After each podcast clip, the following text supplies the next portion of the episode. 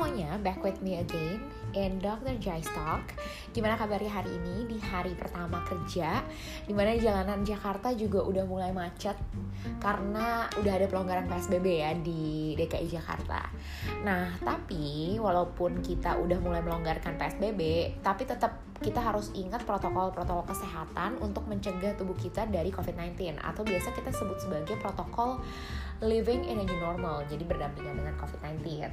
Jadi kita tetap gak boleh lengah nih.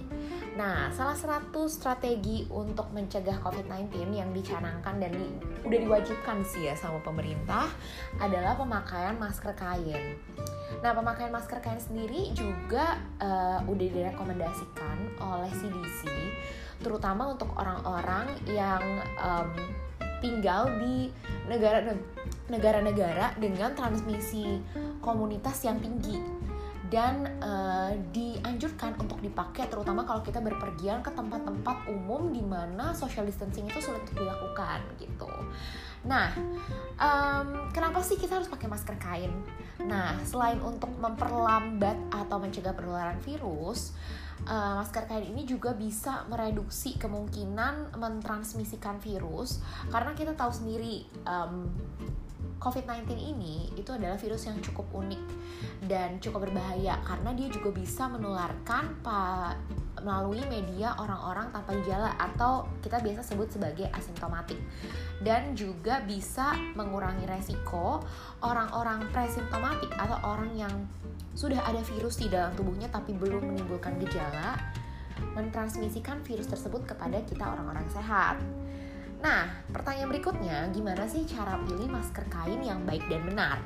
Pertama, masker kain yang baik dan benar itu harus dapat menutupi daerah-daerah penting di wajah kita, yaitu daerah hidung dan juga mulut.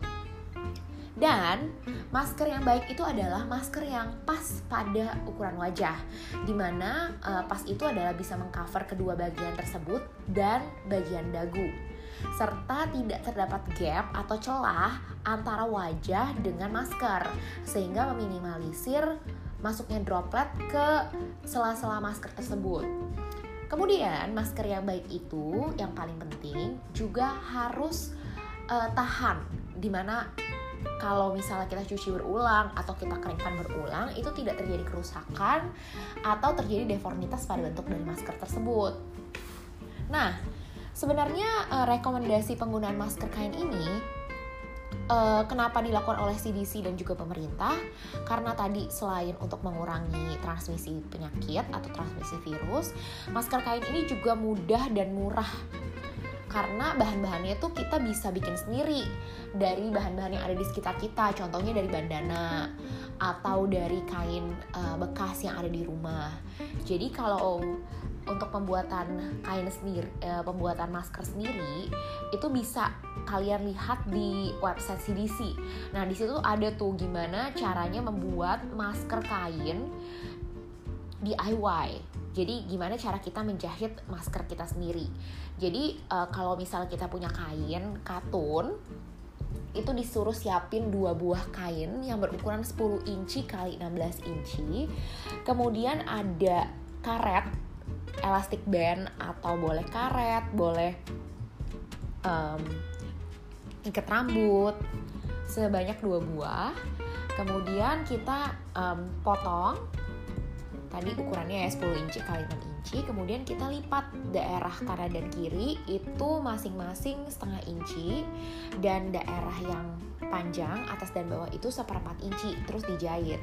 Nah jangan lupa sisain darah kanan dan kirinya itu lubang untuk bisa dimasukin karet gelang ataupun karet atau ikat rambut sebagai karet dari maskernya.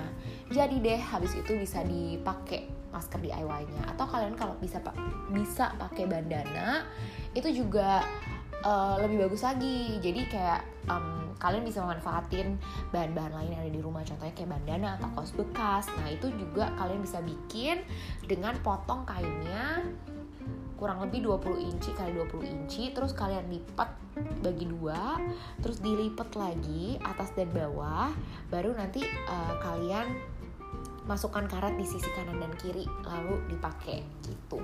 Nah itu panduan lengkapnya biar lebih jelasnya kalian bisa lihat di website CDC. Nah terus pertanyaan lainnya adalah beberapa orang suka nanya nih ke gue kayak gimana sih cara cuci masker yang baik dan benar. Jadi kalau menurut WHO sebenarnya um, pencucian dari masker kain ini itu sebaiknya dilakukan dengan menggunakan air hangat. Akan lebih bagus lagi kalau kita menggunakan pemutih sebagai uh, desinfektannya. Jadi kalau berdasarkan rekomendasi CDC ya, caranya membuat cairan desinfektan untuk membersihkan masker itu adalah dengan mencampurkan 5 uh, sendok makan atau sepertiga cup uh, pemutih dicampurkan dengan satu galon air atau kalian juga bisa pakai 4 sendok teh pemutih yang dicampurkan dengan seperempat galon air. Nah, baru kalian bisa rendam dulu maskernya selama 5 menit. Kemudian uh, nanti baru dikeringkan di sebelumnya dibilas dulu ya dengan air baru dikeringkan. Nah, pengeringannya sendiri kalian bisa uh, dua cara nih kalian bisa langsung jemur seperti biasa di bawah sinar matahari atau kalian kalau yang punya dryer di rumah kalian juga bisa pakai dengan mode kalian jangan lupa pilih mode settingnya itu yang temperatur paling tinggi seperti itu.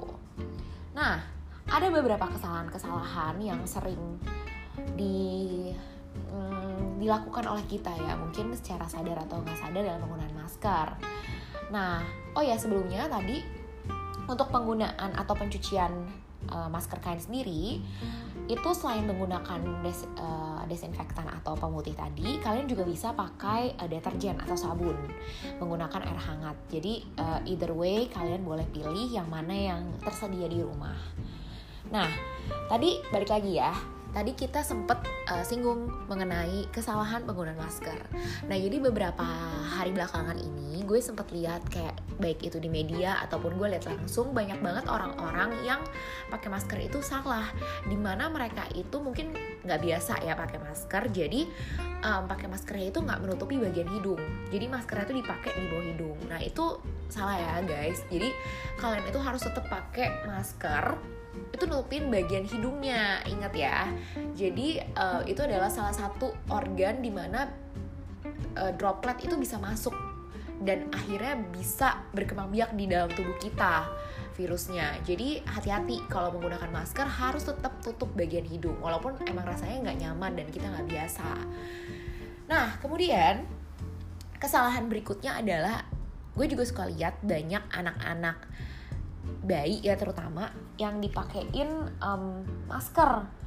Nah sebenarnya CDC sendiri itu merekomendasikan penggunaan masker itu sebenarnya di, di um, gunakan untuk anak-anak yang berusia udah lebih dari 2 tahun.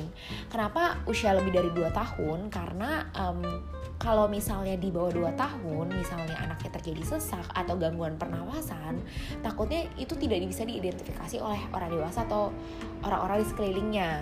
Makanya CDC juga tidak merekomendasikan penggunaan masker pada orang-orang yang um, punya masalah pernafasan atau pada orang-orang yang tidak bisa menggunakan maskernya tanpa bantuan orang lain. Itu penting ya diketahui. Dan uh, kesalahan lainnya adalah ketika pakai masker itu sebenarnya kita tidak boleh pegang-pegang darah luarnya. Jadi kalau misalnya kita lagi beraktivitas di luar, itu jangan pernah sentuh bagian luar dari maskernya. Kenapa? Karena itu yang berkontak sama lingkungan. Apalagi setelah itu kita pegang-pegang muka. Nah, udah itu nggak boleh banget. Jadi kalau misalnya secara nggak sengaja, misalnya kita kepegang masker bagian luar kita, kita harus langsung cuci tangan. Karena bagian luar yang berkontak dengan lingkungan itu kita anggap berkontak dengan droplet-droplet yang uh, mengandung virus. Jadi kita harus mengurangi resiko terjadinya penularan dengan tidak menyentuh-nyentuh bagian luar. Nah, begitu juga hukum ini berlaku ketika kita melepas masker. Jadi, ketika kita melepas masker, kita tidak uh, perlu memegang bagian luarnya, tapi cukup kita ambil bagian karetnya. Jadi setelah kita ambil karetnya, baru kita cuci ketika nyampe rumah. Dan kesalahan yang lain adalah sebenarnya tidak dianjurkan juga untuk melepaskan masker di sekeliling orang-orang uh, dengan jarak kurang dari satu meter. Jadi kalau misalnya ada orang di sekitar kita, lebih baik kita tidak langsung melepaskan masker. Misalnya kita pulang ke rumah, terus ada orang-orang rumah kita langsung lepas begitu aja karena kita anggap itu sebagai materi infeksius jadi lepasnya juga sebaiknya tidak dekat-dekat dengan orang lain seperti itu itu berdasarkan rekomendasi WHO ya oke jadi um, untuk bagian masker kain aku rasa cukup kalau misalnya kalian masih ada pertanyaan berkaitan sama penggunaan masker kain ini atau kalian punya um, pertanyaan lainnya terkait dengan COVID-19 yang pengen banget dibahas di podcast ini, kalian bisa langsung DM aku di uh, @giogilberta di Instagram. Jadi kalian bisa kasih tahu kira-kira topik apa aja sih yang pengen kalian ketahui tentang COVID-19 atau mungkin bahasan kesehatan lain atau boleh juga ter, uh, tentang dunia medis, dunia kedokteran, apa yang pengen banget kalian ketahui, boleh banget. Oke, okay? jadi um, sampai ketemu di podcast-podcast berikutnya. Bye.